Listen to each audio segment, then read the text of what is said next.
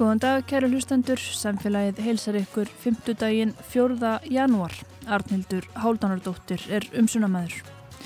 Við lítum í dag yfir farin veg með Jóni Björgvinsinni. Hann er frétta og kvikmyndagerðamæður, hefur lengi verið búsettur í Sviss og flytur okkur oft fréttir frá stríðs- og hamfarasvæðum. Á síðasta ári dvaldan meðal annars langtvölum í Úkrænu og flutti fréttir þaðan. Jón hefur upplifað ótrúlega hluti orði vittni að ymsum hörmungum. En það er, mitt líf er, já, það má segja það, þessi einn katastrófa allt mitt líf. Og hefur verið í mitt, mitt starfsæði. Segir hann meðal annars. Við heyrum svo nýjárspistil frá Stefáni Gíslasinni umhverfistjórnunafræðingi. Hann veldir því upp hvort tilefni sé til bjart síni eða svart síni í umhverfismálum í upphafi ás og fjallar sérstaklega um hræringar tengdar réttindum dýra og lífríkis. Við ræðum líf og störf Jóns Björgvinssonar hér rétt á eftir en fyrst heyrum við eitt lag með Múkisson.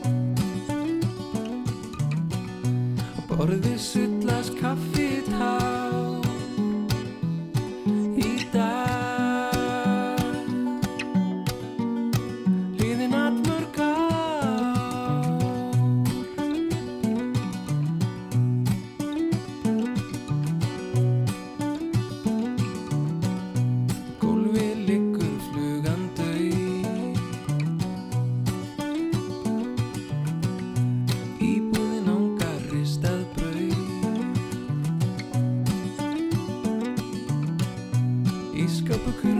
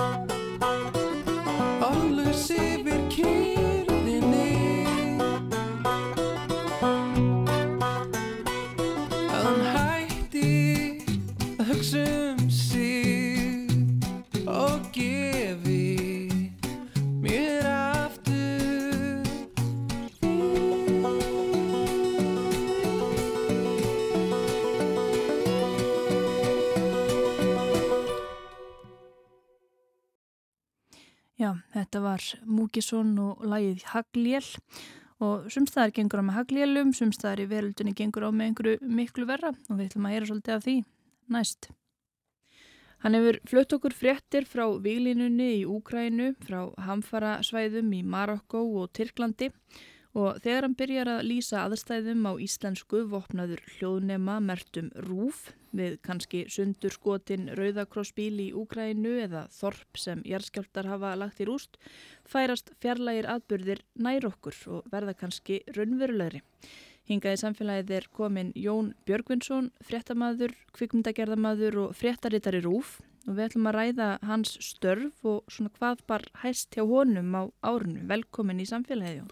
Takk fyrir. Já, það var uh, tiltúrulega róleg jól ef, ef undan eru skilin átökjan á gasa og uh, þetta hefur nú stundu verið svolítið öðruvísi. Ég mann til dæmis að það er nú næst 20 ár síðan að við þurftum að rjúka til Indonésiu út af tsunami. 2004. 2004. Svo manni líka eftir ansi miklu jarðskjálta í, í Bama í Íran. Það var um einn jólinn líka sem ég fór, fór í og það var, það var mikil vetraharka og mikil eimd þar en, en raun og veru var 2023 ansi mikið jarðskjálta ár því að ég fór bæði að, að mynda jarðskjálta í Tyrklandi og líka í Marokko þetta voru mjög mannskæðir jarðskjáltar Jón Björgunsson, fréttaritari Rúf, fyldist í dag með björgunastörfum í Gaziantep. Ég var að upplifa mjög tilfinningaríkt augnablík ef við rústil fimmhæða hús í miðbænum. Fyrst var alveg gravar þögn á meðan verið var að hlusta og svo hvaði mikið klapp hérna fólksins í kring þegar tókst að ná barni á líf út úr húsdólum bara hérna rétt á það. Járskjáltur eru svolítið sérstakir svona í, á mínu verkefnalista vegna þess að þeir koma svolítið aftan á okkur koma óvænt. Þetta er svona, það er eiginlega tvent sem ég hræðist eiginlega meira en annað. Það er að segja jærskjálti sem maður fær ringingu meðanótt og líka svona hriðiverka ára sér. Annað virðist nú svona tilturlega gera bóð á undan sér, jafnvel, hérna elgós og, og hungusneiðir og, og gróður eldar og, og þess aftar. En það eru, það eru þessi jærskjálta sem koma öllum áverum og svo líka hefur hef maður stundu þurft að hlaupa út af flugvöld út af hriðiverka árásum sem eru komað svolítið eftir fólki líka.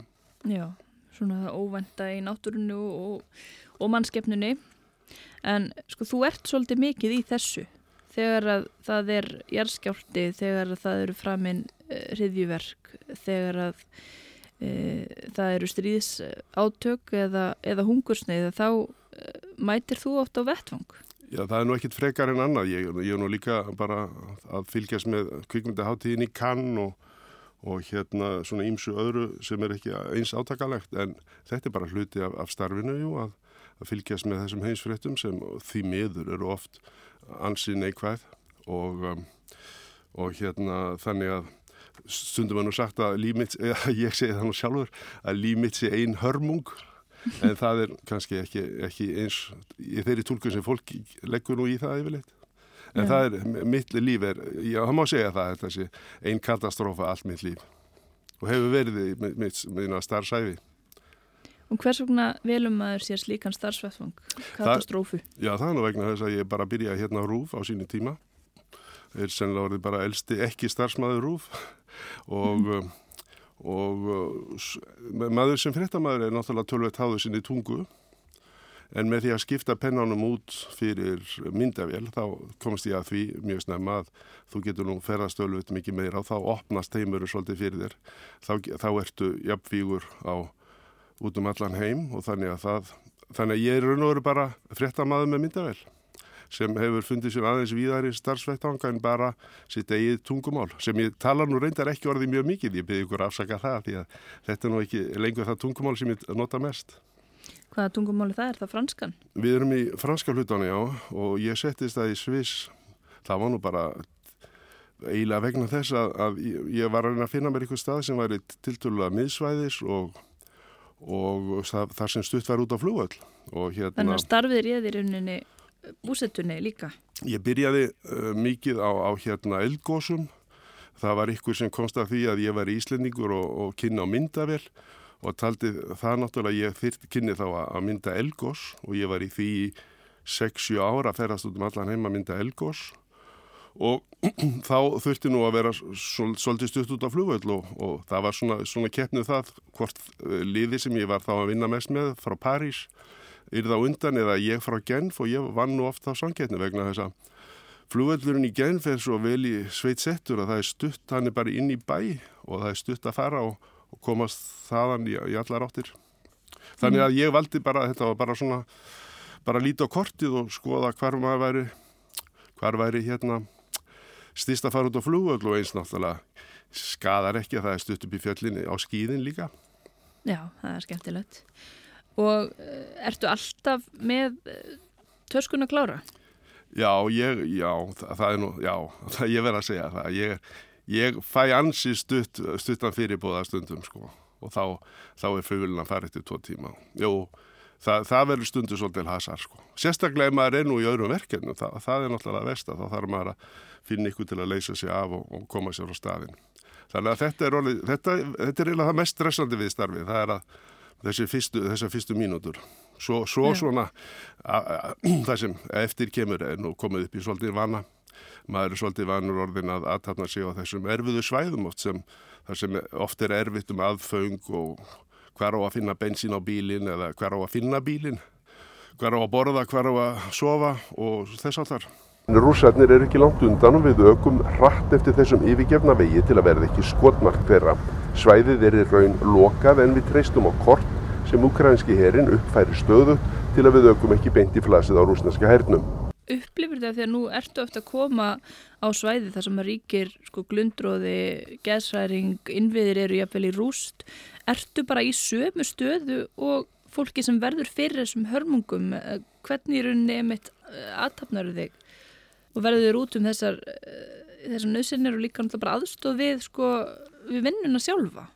Já, nei, það er nú kannski það skömmustulega við þetta er að við erum eiginlega oft betur vendu, við höfum meiri fjö ráða heldur en þeir sem lenda í þessum óskopum þannig að okkar staða er tölvert betri myndi ég segja í flestum tilfellum.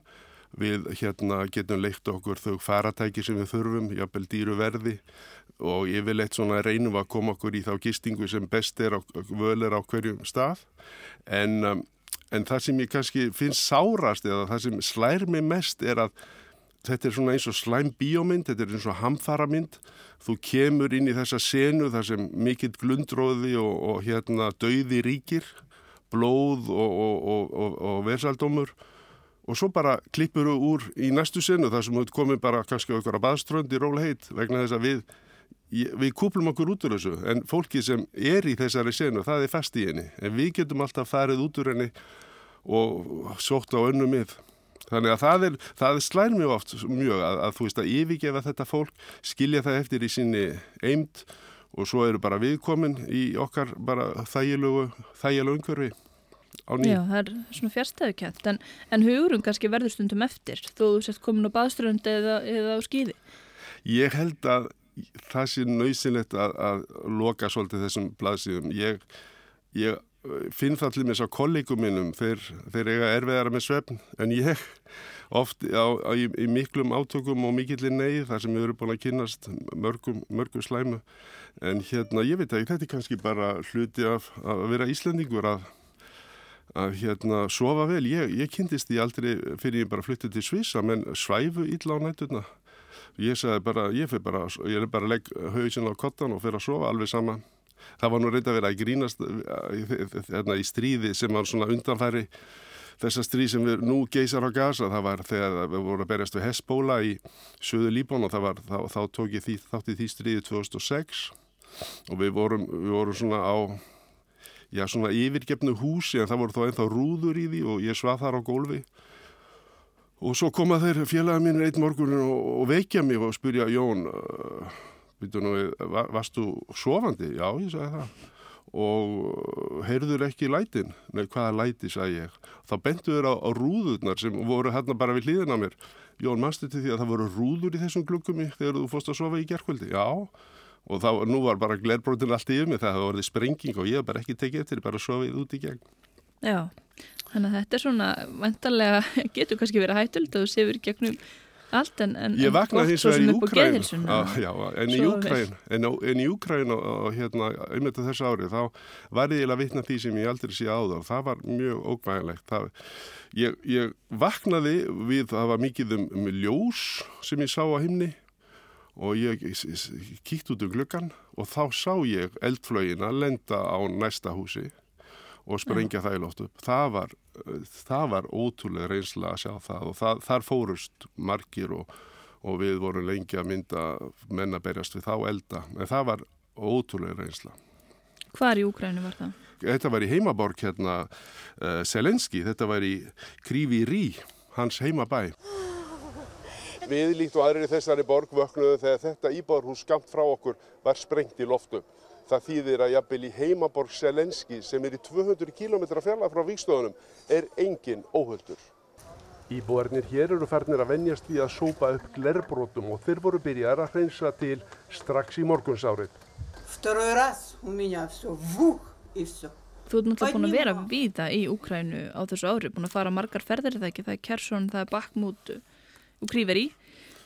Ég segi stundum að, að, að hérna, ákveðin Putin sem minn helsti viðskiptavinnur því að hérna, jú, er ég á þessu ári er bara, ég var að rekna út, er bara, eða síðan stríðu hófs kannski við tökum það, þá er ég bara búin að vera mánuð bara á, á sko að sitjandi bíl á ferðalögum. Vegna þess að, að það er ansi flókið að fara til Úkræna, þetta er eins og að fara til Ástralju, þetta er eins og ég hafi færið til Ástralju sjösinum á einu ári eða rúmlega einu ári því að þetta tekur minnst okkurst í tvo daga í hvora átt að komast á staðin í Úgræn og þetta er nú stort land og svo er náttúrulega enga, enga flugsamgöngu til landsins þannig að við fljúum yfirleitt til já, sem sagt Varsjár eða Kisná í, í Moldavíu. Og svo tekur, og það, það tekur nú fyrsta daginn að komast yfir landamennin og svo tekur annan góðan dag að komast annarkvört yfir til kef kænungars eða, eða ennþá lengra þú ætlar að fara í Kersson eða austurhlutan eitthvað. Þannig að þetta er eh, bara, bara þessi ferðalög síðan þetta stiðhóst það var tekið mjög mánuð að sitja bara í bíl og en ég reynir nú að horfa ekki bara út úr glukkan eins og sumur, ég er bara með hljóðbækur eða eitthvað í erónum og, og hérna, þegar við erum með bílstúra þannig að ég get bara tekið tíman í eitthvað annað. Ertu yfirleitt með teimi með þér eða, eða ertu oft einn á ferð? Nei, nei, við, ég, þetta er félagsskapur sem, hérna, mér finnst kannski að ljósmyndarinni séu svolítið innmannalegri þegar við hýttum þá en, en uh, sjónvarpsteimi er, er yfirleitt fjölmennara, við erum, já, minnst fjögur á ferð, það eru, við þurfum náttúrulega tólk og við þurfum bílstjóra og svo er fréttamaður og, og kannski jafnvel ykkur pródusent með líka, sko, þannig að við erum með stóran bíl og mikið að tækjum, því að svo það náttúrulega koma þessi efni frá sér.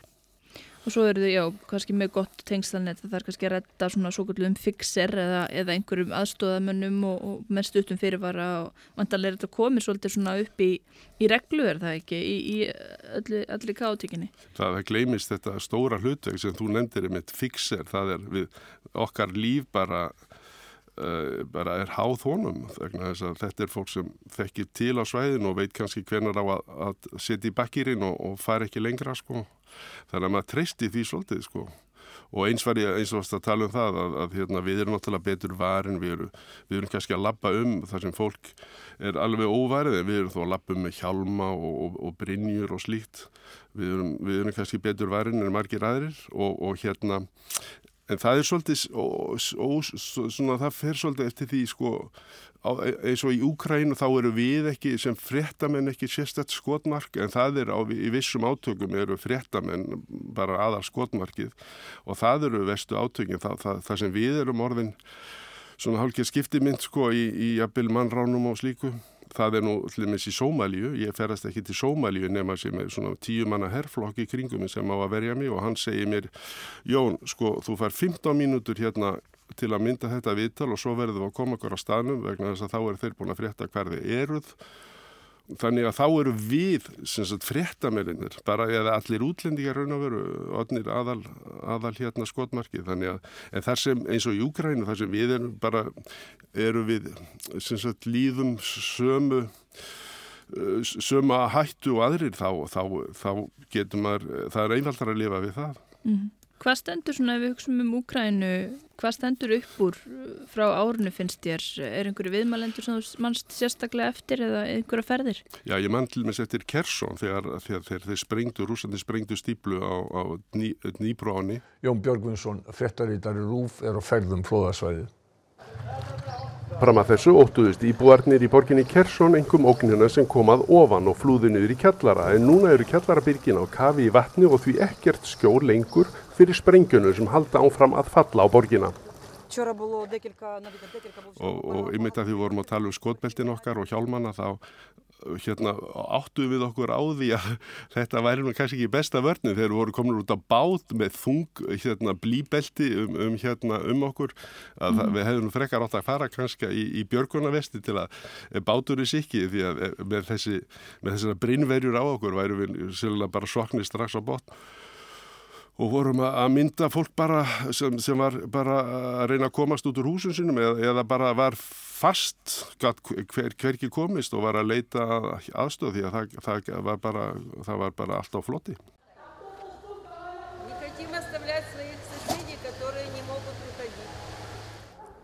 Það mun taka langan tíma áður en Dnipro áinn finnur aftur sinn eðlulega þarveg hérna 300 metrum neðar eftir þetta syndaflóð af mannana völdum. Já, ég mann hérna var kona Ljútmíla uh, rúsnesk sem að hérna var þó algjörlega búin að hérna lýsa við fæð á, á á landa sína og hún var að flýja átti, átti erfitt með gang hann upp og niður stegana Já, hún, hún var rúsnesk sem sagt, já, já. Þetta er, ég, ég er ég, ég, það, ég hef mikið þeirrast um Ukrænum, bæði stríðið 2014 og, og Evrópikeppnin í fóðbólta 2012, þannig ég hérna, hef lengi dást mjög að þessu þessari, þessu útaldi, þessari þraud segju í þessari þjóð og það sem kemur eða mest ávart í, á þessum ferðum um Ukrænum Úkrænu er það er svo ótrúlegt að, að, hérna, að þetta fólk kemur, kem, kemur á eitthvað lítið þorp og fólkið er þar með ramagn og hýta og ég segi hvernig ósköpunum færið því að þessu? Uh, þetta, ég tek það að vísu fram að þetta var ekki eins um jólin í fyrra, það, þá voru rússar mikið að ráðast á innviði og, uh, og var þeir, það var þeirra stríðstrategíja þá. En þeir viljast hættir því en það reyndist að ekki mjög hérna gaglegt vegna þess að útgrænumenn voru strax búin að laga og þetta er nú svona oft rúsneskir innviði eða svona sovjískir innviði það, þeir mæta bara með skrújarn og eitthvað dvír og eru það búin að tengja raf, raf, raf hérna stöðvarnar aftur. Þannig að það virtist ekki hafa gengið þannig að nú er virðist, virðist minna ráðist að þessu innvið og fólk eh, eru bara ótrúlega bjarg, svona duglegt að bjarga sér með ramagn og hýta og og matvæli og, og þú náttúrulega berst mikið af aðstóð sem betur fer en, en því miður hefur það tölver dreyið úr því og fólk finnur fyrir því. En, en þrautsegin í þessu fólki er, er ótrúlega og, og ég er náttúrulega samfærður um það að þess, þetta land verður aldrei unnið. Eh, þetta, þetta stríð bara verður í þessari pattstöðu áfram. Vonandi kemur lausnin að austan en ekki frá Úgrænu en, en hérna það verðist nú líka verið eitthvað byggða því. Já og talandum þraut segju þú varst nú bara, þú ert nýlega komin frá Úkrænu uh, þá varstu þarna í, í kólanámunni Sá, sáum þið í, í námulest að spjalla við kólutnar sem eru, eru farnar að gegna störfum uh, kólanámumanna. Í þessari námi í austur Úkrænu starfa nú 40 konur við hlið Karlana í störfum sem vinnulögjöfin meinaði þeim áður eða allt frá sovjettímum þegar ömmur þeirra gengu í öll störf. Vlata er nýkominn til starfa hér. Ну, как я знаю, здесь мужчины были только. Вот кнопки, пульт управления. Já, það er, karlmenn eru á výlinni og þeir fá ekki að fara úr landi á vissum aldri. Ef þú ert að fara frá Úgræn og þú lendir á eftir ykkurum karlmanni á herskilda aldri þá, þá veist að þú myndur vera ansi lengi að komast yfir landamærin því að hann er hugsanlega að fara í ykkurum löglegum erindagjörðum í landi en hann þarf að sína ansi marga pappir aður og hún er hlifti gegn þannig að það, það er svona mikla tafir á landamæranum ef við erum á eftir einu slíkum en, en, en svo bara þarf að fylla í þessi lífsnauðsynlegu þessa lífsnauðsynlegu störfi eins og til og með skólanámanar til að halda fólki á, hitta og þær eru bara konunar komnar já og þær, þær eru nú þær segja það konunar að það er eftir uh, eftir árásina 20. og, og fjórða um, þá, þá eru við ósýrandi og ég held að það sé alveg rétti á. Hér er unnið á 6 tíma vöktum en mikill tími fer í að hossast að og frá vinnusvæðinu.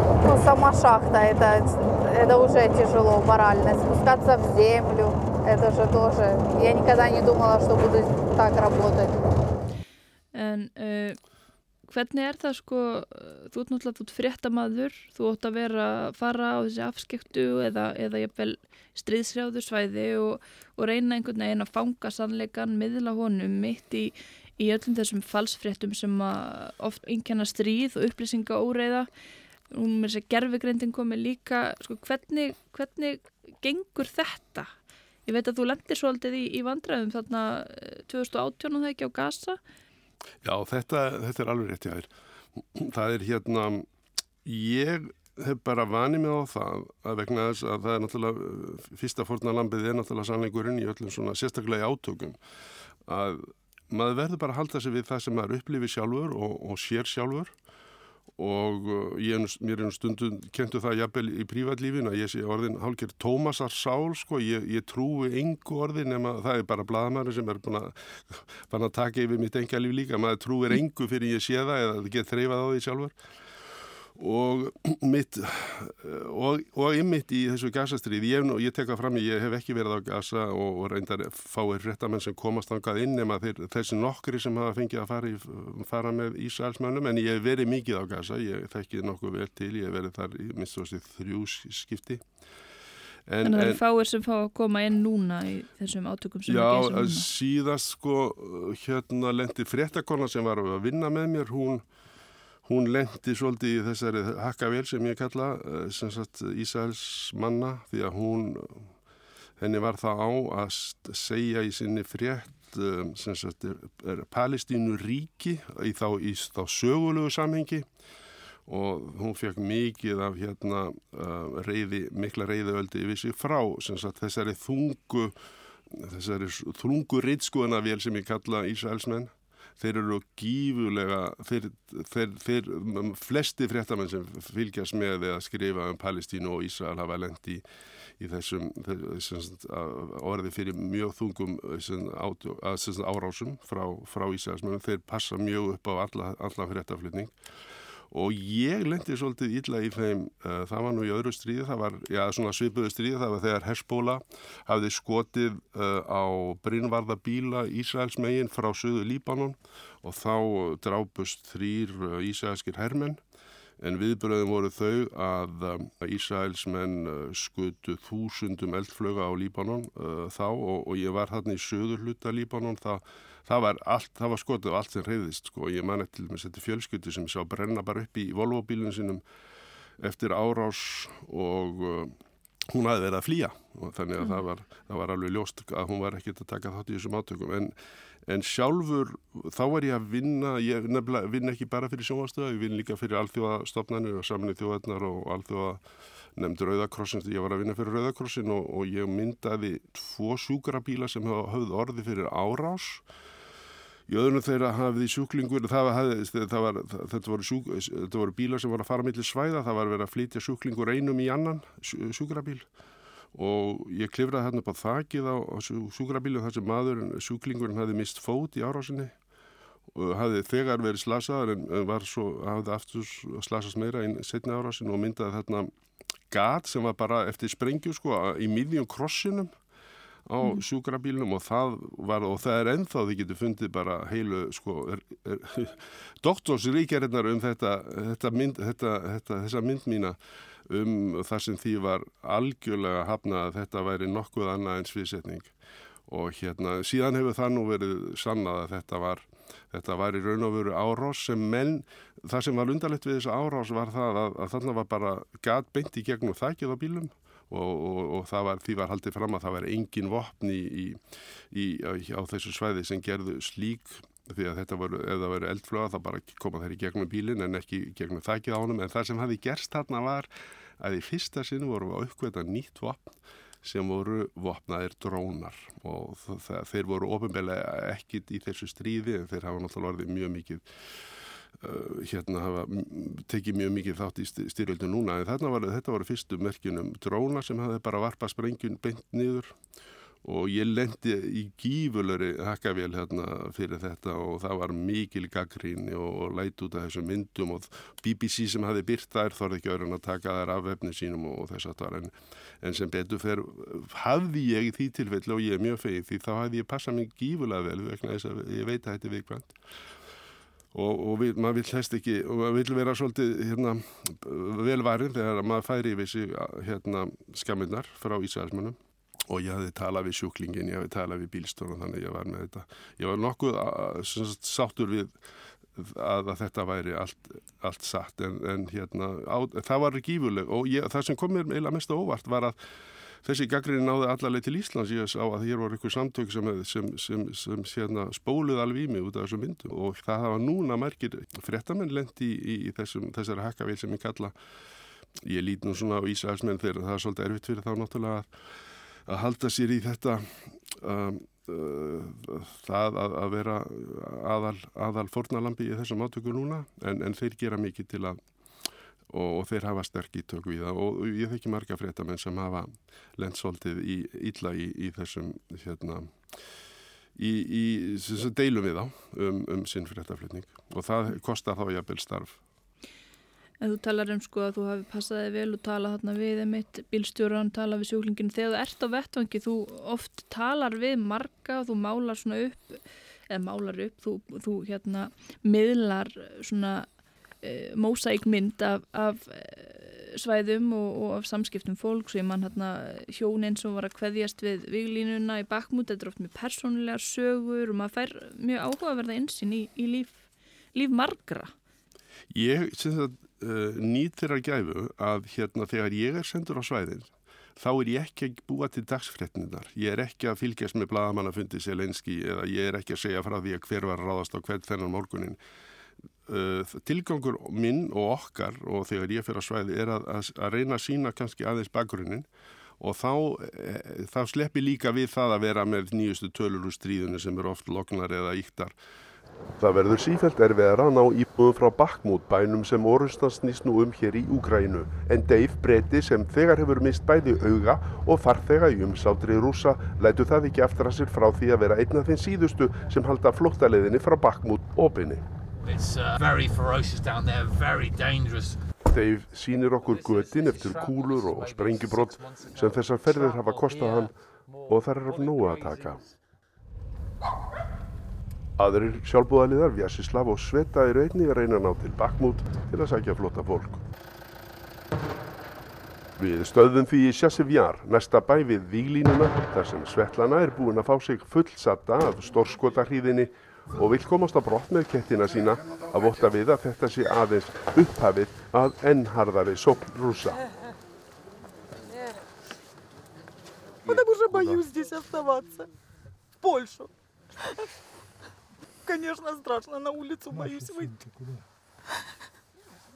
Þannig að maður bara segir sögu sem færir okkur nær þessu fólki og hérna auðvitað er það mjög átakalegt. Ég var allmis að segja frá þessari fjölskytti sem brann þarna inn í volóbílinn sínum og, og ég man það í Marokko og þá fórum við upp í Þorpin. Við vorum bara jafnvel á undan fyrstu björgunarsveitin og hún var, kom bara rétt á eftir okkur og, og hérna þá ert að horfa á konu sko, sem er að, er að draga látið batsitt undan þessum rústum og hérna sko ég tel mér að vera orðin nokkuð hérna skoteldan fyrir svona uh, líkum því að ég er búin að mynda þau ansi mörg og, og, og degjandi fólki en, en, en börnin fara náttúrulega alltaf með okkur öll og við, við erum náttúrulega öll í rúst bara þegar við sjáum hvernig, hérna, ég maður til dæmis eftir því í, í Íraksstríðinu, ég, ég bara, það, það, það hljómar ennþá í eirum mínum uh, öskriði í móður sem horða batsi degja í, í faðmið sér.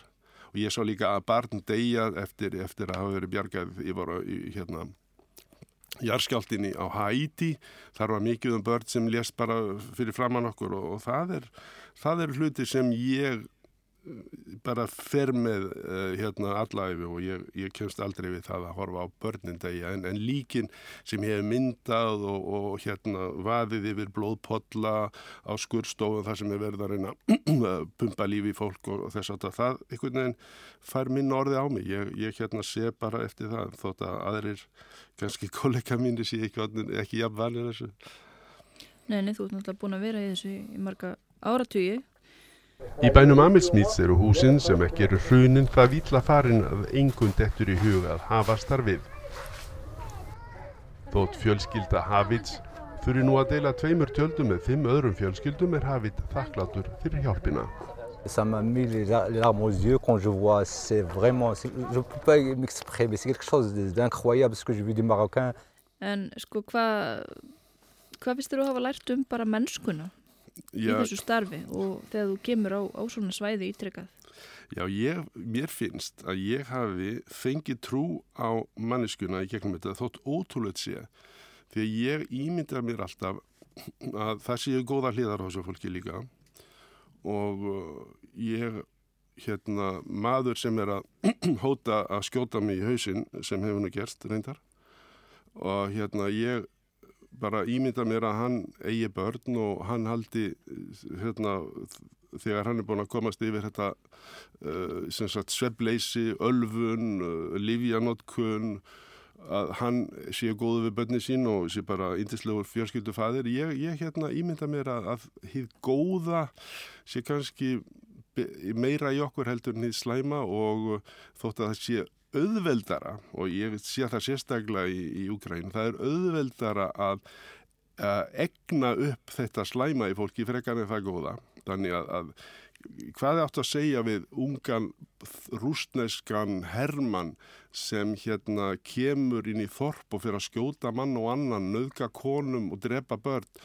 Þetta er náttúrulega bara Bara, þetta er bara sagt, afkvæmi ykkus kervis, ykkus áróðurs sem, sem notar sér þá, þá, það veikleika í okkur mönnunum að, að hérna, sé auðveldara að, að hérna, veiki upp það ítla í fólk heldur en það góða. Og, en ég held það undir niðri. Og ég sæði það þegar ég fór að byrja í þessum, þessari vinnu að, að hérna, ég ætlaði að fara út í heim og leita að vondamanninum en ég, ég bara verða við ekki um það að í raun og veru þegar öllur á botni kvöld þá finnst mér ég ekki það að fundið þann mann. Nei, það er vantalega ílska og, og geska í, í öllum manneskum. Já, maður á náttúrulega mjög erfitt með að skilja út af hvað þessi stríð ganga. Oft kem ég inn í ykkur stríðsátöku eins og bara þessi, þessi núvarandi Júkræn og annar staðar og og maður, maður bara er svolítið undirhand á því meina, hvað, hvað er hér í gangi? Hvað, hvað, hvað er hum, hugsunum á bakveg þetta? Og ég ímynda mér oft í byrjun að já þeir hljóta að viti eitthvað sem ég veit ekki dum sko, ég, þeir hafa eitthvað upplýsingar sem ég hef ekki. En svo þegar álýður þá gerir maður sér grein fyrir því að, að þetta er bara þetta er bara tónturögl allt saman. Ég hef ekki, síðan ég var í Þorskastriðinu þá hef ég ekki síðan eitt, eitt einasta stríð sem nokkur hefur unnir og, og ég var nú reyndar að, að, að reikna það út þarna tlimis bæði uh, þegar ég var í stríðin í Líbanon að það væri, og það vafalust líka við um Gaza, það er, það er örgulega langt um dýrara að sprengja upp Gaza-svæði heldur en að byggja það vegna þess að kostnaður við þetta er gífulegur og hérna að þjálfa hermen, sprengjurnar, þjálfun, þótuflugmann og þess að þetta er, þetta er gífuleg verðmæti sem er verið á og það er eiginlega það sem svekkir mig mest. Mér finnst svo mikil sóun á, á, á orku, peningum og bara hugviti sem fer í tóma vittlisu hjá okkur mannkyninu að það er eiginlega það sem svekkir mig mest að hérna, þetta sé ekki hægt að nota þetta í eitthvað annað og að menn séu ennþá að berjast út af ykkurum, ykkurum, ykkurum landamærin. Ég var að vonast til þess að árið 2023 væri erum að menn hættir að tala um ykkur landamæri því að við erum, við erum bara öll þjóð og ég held að lausni væri bara einfallega svo og ég held að við strákættir ættum bara að láta, láta ykkur korunda bara fá líklan og, og sjá um þetta. Að við erum búin að klúra þessu. Það er spurning, spurning hvort að það sé, það sé skára. Það er náttúrulega við það sem að, sem að bæði, bæði karlar og konur og, og hvar halda um um völdin sko. En þú veit alltaf, þú sérði engan tilgang með stríði þrátt fyrir að sumir kalliði stríðisfréttar yttara Já, ég, ég, ég, ekki, ég kann nú ekki sila vel við þá, þá. Það er bara einhvern veginn fest á mig og, og hérna og í mínu starfsumhverfi er það, jú, það er við oft, oft kallað í mig vegna þess að þið vita að maður þarf ákveðna reynslu og það er, það er nýft í mig að það þarf að senda menna á ykkur af vikstöðar vegna þess að mér finnst, ég óttast það ekkit frekar, ég hef aldrei, ég hef sloppið, skulum við segja og fólki held ég sem horfir á þetta utanfrá finnst þetta kannski skelvilegra en, en það er, já, minnstu hef ég ekki það á tilfinningunni, ég, ég hérna, en já, ég, ég man eftir þannig að því vorum að tala um þetta stríð í Suðu Líbanon að þá voru og þetta og hvað, hvað kostnæðurinn er kannski oft meiri en, en við það að skemma hlutina heldur en að byggja á að þá voru þeir yfir, að þá voru, voru Ísraelsmenn að sprengja brúna yfir Lítani ána sem er svona aðal samgöngulegðin í söður og, og, og Líbani svona svipað úkrænuminn er ansi, ansi þraut segir þeir, þeir voru alltaf búin að byggja nýja brú bara að mótni sko.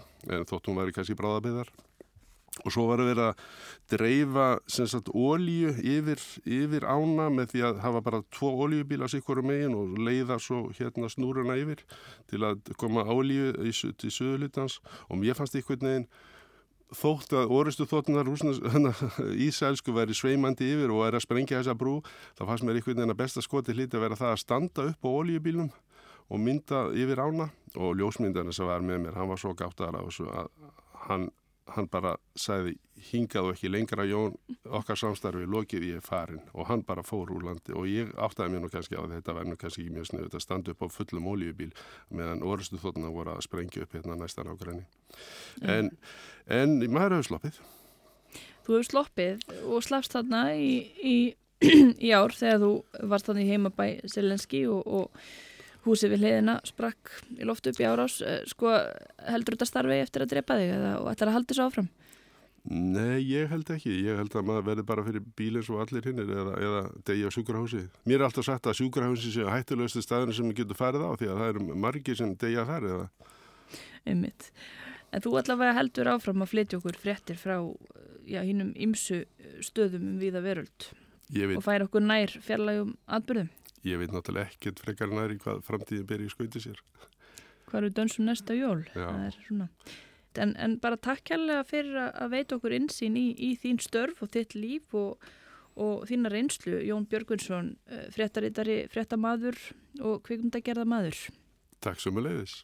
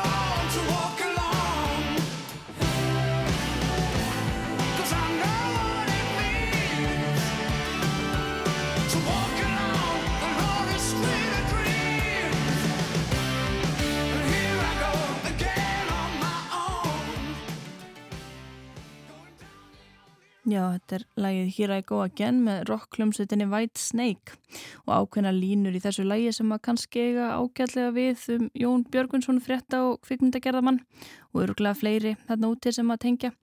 Ég veit ekki hvert leið minn liggur en ég veit vel hvar ég hef verið. En næst ætlum við að heyra eina málfarsminutu frá önnu seriði Þráinsdóttur málfarsráðunauti Ríkisútasins.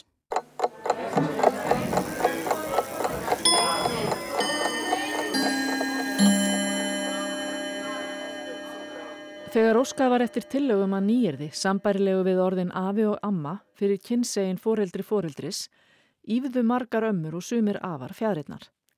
Það var eins og það gripi um sig ótti um að ekki mætti lengur nota þessi fallegu og hlýlegu orð sem barna börn kalla foreldra foreldra sinna. Ekkert er fjær lagi. Ekkert yfirvald er þess umkomið að ákveða hvaða orð fólk má nota um sig og hvaða orð ekki og það er alveg víst að engum hefur dottið í hug að það þurfi að útrýma orðum eins og afi og amma. Aftur og móti getum við líklega verið sammála um að það megi bæta við nýjum orðum í merkingarflokk á borð við foreldri foreldris þegar í ljós kemur að slík orð vantar. Það auðgar málið og eigur notagildi þess.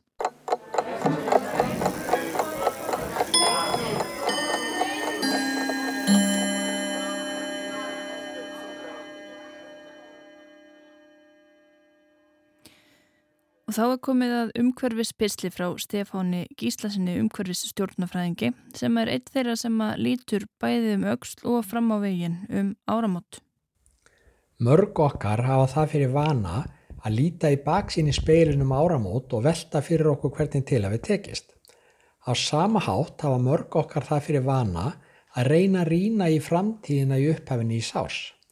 Þá velti maður fyrir sig hvernig nýja ári muni reynast, hvað það byrja skauti sér hvort líklegt sé að þróunin stefni rétt átt eða hvort hætta sé á hnignun og afturför. Málaflokkarnir sem koma í sögu í vangaveltum á þessu tægi hljóta eðlilega ráðast af áhugasviði hvers og eins en umhverjusmála ymsu tægi hljóta þó oftast að koma þar við sögu. Því að hvernig sem allt er litið eigum við sem manniskur og við sem mannkinn allt okkar undir því að náttúran verður ykkur sæmila hliðhóll og flest okkar eru líklega orðið meðvituð um það að framkoma okkar sjálfra hefur bísna mikil áhrif á náttúruna og þar með á ákomum mögulega okkar sjálfra til skemmri og lengri tíma. Það, hvort maður er bjartsýtn eða svartsýtn á horfur í umhverjismálum í upphafi nýsárs, ræð sjálfsagt að miklu eitthvað því hvort maður er vanur að sjá fyrir sér hálf full glös eða hálf tóm glös. Mart er til þess fallið að íta undir svartsýnina, en sem betur fer er líka ímislegt í gangi sem er til þess fallið að fóðra bjart sínina. Eitt af því sem ítur undir svart sín í umhverjasmálum er sá uppgangur þröngsýtna þjóðverdinshyggju viðhorfa sem hefur endur speklast í niðurstöðum kostninga til þjóðþinga, forsetta ennbætta og hérastjóra hér og þar í heiminum. Talsfólk þessara viðhorfa virðist gerðna sína sambúð manns og náttúru lítinskilning, efast jafnvel um að maðurinn eigi einhverja sökalofslagsbreytingum, seti sig upp að móti fjölþjóðlugu samstarfi og þar fram eftir gödunum. Þetta síðastnemda er sérstaklega mikilvægt þegar haftir í huga að stærstu umhverjusvandamál samtímans eru nattræn. Engin einn ber ábyrðið á þeim og engin einn getur listu. Stjórnmálafólk sem ekki vil vinna með öðrum að lausnum verður þannig sjálfkrafa hluti af vandamálunum. Hægt væri að hafa mörg orðum það hvort niðurstöðu nýlegs loslagsþings í saminuðu arabísku fyrstadæminum, þar að segja COP28, gefið tílefn til bjart síni eða svart síni. Á það hefur verið bent að þar hafi nást tímamóta samstæða um það orðalag að ríki skuli færa sig frá nótkunni jarðarfnæðisnetis sem er auðvitað jákvægt að gefið tílefn til bjart síni. En þegar grænt er skoðað er ekkit vist að þetta hafi neinn áhrif á losum gróðrúsaloftegunda frá aðtöfnum manna næstu árin. Líklega er þetta álíka stert til orðatekið eins og þegar einhver ónæmdur maður sagðist vera ákveðin í að vera ákveðin. Það er öruglega bara fínt en samt veit engin hvað líkur nákvæmlega í þessum orðum. Þannig að kannski gefur umrætti tímamóta samstafa ekkert tilinn til bjart sinni eftir allt saman. Á nýjastag fjallæði í Guardian um eitt tiltekki atriði sem gefur tilinn til bjart sín á það sem árið 2024 kannabir í skauti sér. Það er nefnilega getum að því leitt að árið 2024 gæti orðið árið þegar viðurkenning á réttindum dýra af öðrum tegundum en homo sapiens, réttindum annara lífera svo sem trjáa og réttindum heilu vistkerfana og náttúrunar hættir að heyra til undatekninga og fyrir að verða megin reglan í lögjöf og í stjórnarskrám ríkja. Víðtækari viðurkenning á þessum réttindum opnar möguleika á lögsóknum gagvart einstaklingum, fyrirtækjum og stjórnvöldum sem ganga á rétt náttúrunar og spilla þannig ákomi möguleikum komandi kynsloða, bæði komandi kynsloða mannfólks og annara lífera. Skilgreining og réttindum á þessu tægi reyndar þegar að finna í stjórnarskrám nokkura ríkja og er Ekvator oftast nefndi því sambandi.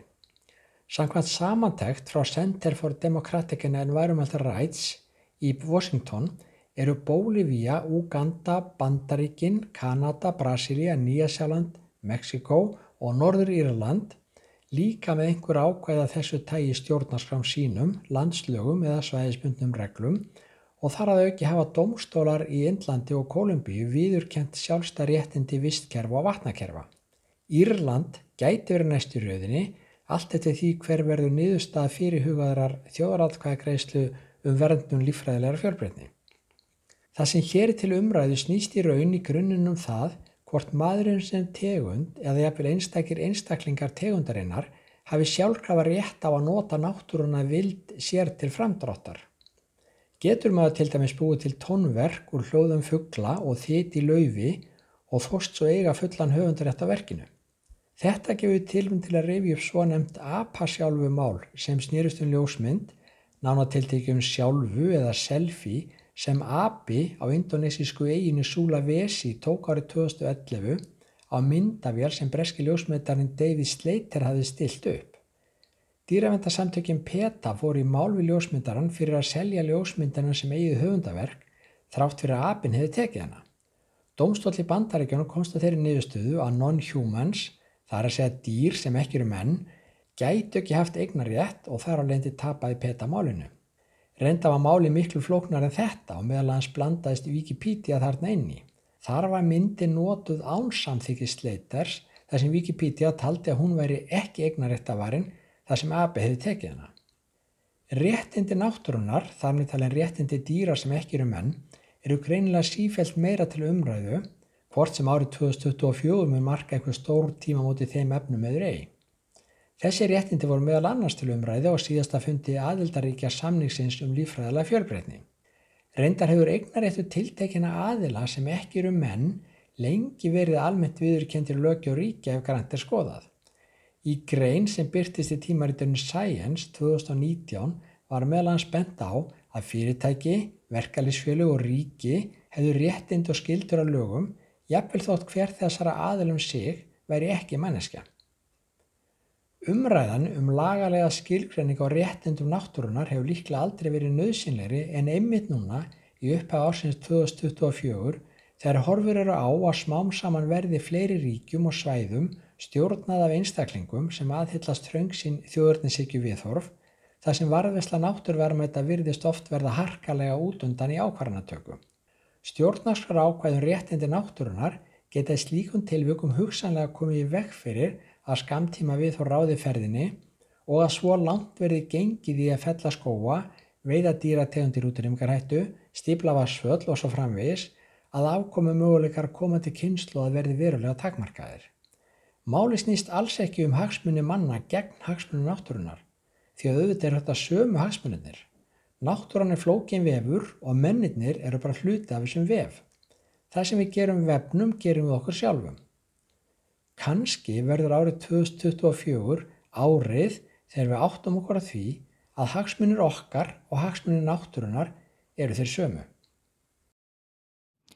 Þetta var Stefán Gíslason með sinn nýjárs pistil. En þá er ekki fleira í samfélagin í dag. Við verðum hér aftur á morgun og alltaf hægt að finna gamla þætti af samfélaginu í spilara rúf og á hlaðvarsveitum. Takk fyrir í dag.